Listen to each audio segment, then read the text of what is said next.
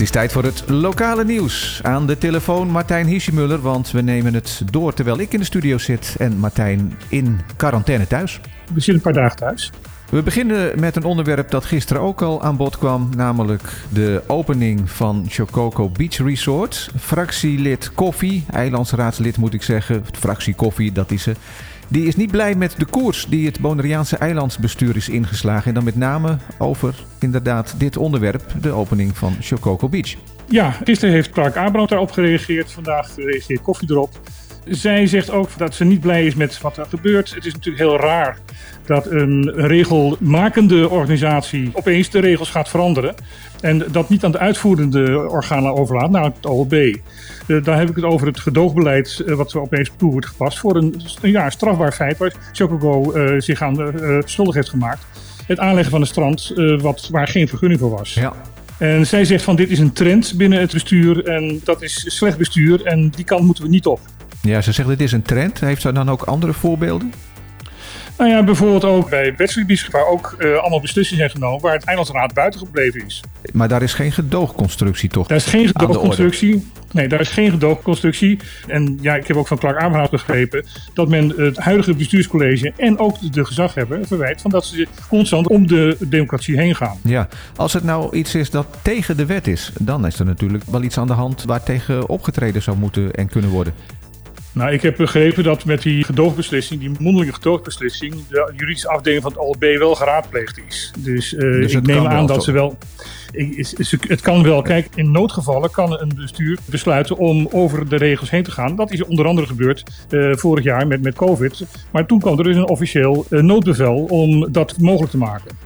Ja, want het is natuurlijk wel zo dat heel veel mensen gedupeerd zouden worden als deze toestemming niet zou zijn gegeven.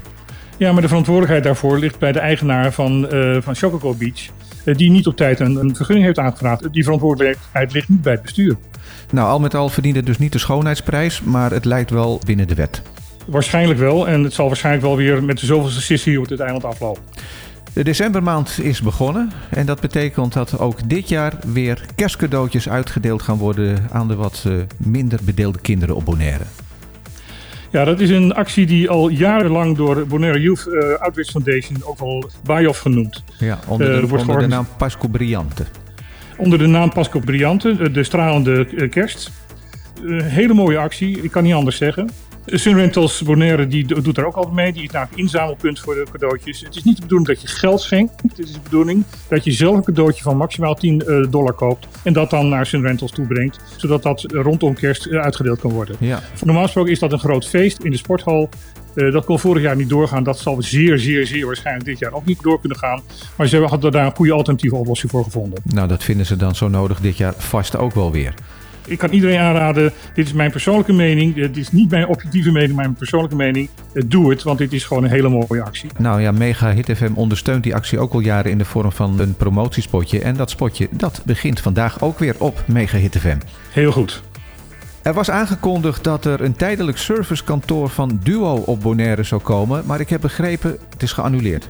Het is geannuleerd. Het zou van 29 november, dus uh, eergisteren, uh, tot 10 december zijn. Dat zou in het uh, belastingkantoor zou dat plaatsvinden. Maar door de aangescherpte regels is men een beetje ja, teruggeschrokken daarvan. Monique Hogewerf, de coördinator van het Caribisch gebied voor Duo, die zegt van ja, we zouden, vinden het erg jammer dat we dat niet kunnen doen. Mhm. Maar we hebben wel een goed alternatief om dit online te doen. Er zijn webinars gehouden, die zijn terug te kijken. En er is altijd mogelijk om uh, persoonlijk te chatten en om eventueel afspraak te maken voor een persoonlijk videogesprek. Ja, die webinars kun je terugkijken op duo.nl slash webinar. Juist. Dan naar de geitenhouders. Dat wil zeggen, medewerkers van LVV die starten een training geitenverzorging. Ik kan me voorstellen dat dat vooral voor beginnende geitenhouders erg interessant kan zijn. Dat kan zeker voor de beginnende, maar het doel van de hele actie die LVV al een paar jaar geleden heeft ingezet, is het verbeteren van de geitenhouderij op Bonaire in het algemeen.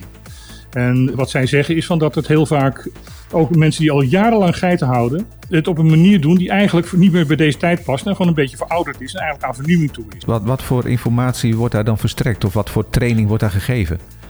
Nou, men is heel erg bezig met rasverbetering. Uh, er zijn een paar boergeitsbokken hier op het eiland gebracht die uit Zuid-Afrika komen van, van, oorsprong. Maar die in Nederland nog een keer verbeterd zijn. Waar veel meer vlees aan zit en die, waar de dieren veel sneller volwassen en dus ook slagrijp zijn. Ja. Dat gaat heel veel geld schelen. En eh, dat wordt gekruist met de, de geit, omdat die sterker en eh, gezonder is en beter tegen klimaat hier kan.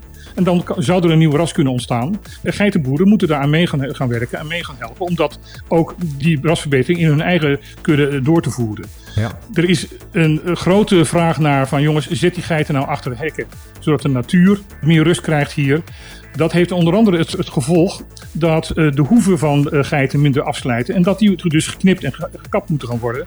En ook dat moet je gewoon leren. Het is heel simpel. Het is net als nageknippeld met mensen. Maar je moet dus even weten hoe je het moet doen. Ja, want anders doet het wel pijn als je het niet goed doet. Net zoals met nagels van je hond en je kat. Dan als je het uit knipt, dan krijg je bloed. Ja. De Kamer van Koophandel, daar gaan we het nog even over hebben. Er komt nieuwe wetgeving. Wat houdt dat in en waarom? Nou, heel veel gaat er niet veranderen. Uh, maar het is wel dat er veel meer duidelijkheid komt. En dat ook de, de taken van de, de, de, KVK, de Kamer van Koophandel, uh, meer duidelijk gaat worden. Het gaat per 1 januari in. En ook de uh, vergoedingen van de, de kosten en de vergoedingen van de diensten van KVK gaan helder en duidelijk worden. nu wordt eens per jaar een deel van het bestuur van het KVK opnieuw gekozen. Ja. Dat gaat veranderen. Eens in de drie jaar is verkiezingen en dan wordt het hele, hele bestuur opnieuw, opnieuw gekozen. Oké, ik heb uh, het weer nog van je te goed. Het, het regende hier zojuist.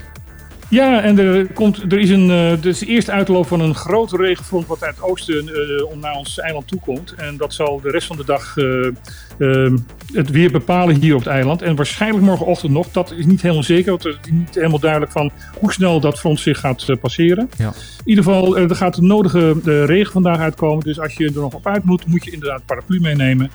En uh, ook de dagen daarna zal het weer nog een beetje instabiel zijn. De temperaturen en de wind zal ondertussen uh, vrij normaal blijven. Oké, dankjewel Martijn en uh, tot morgen. Tot morgen.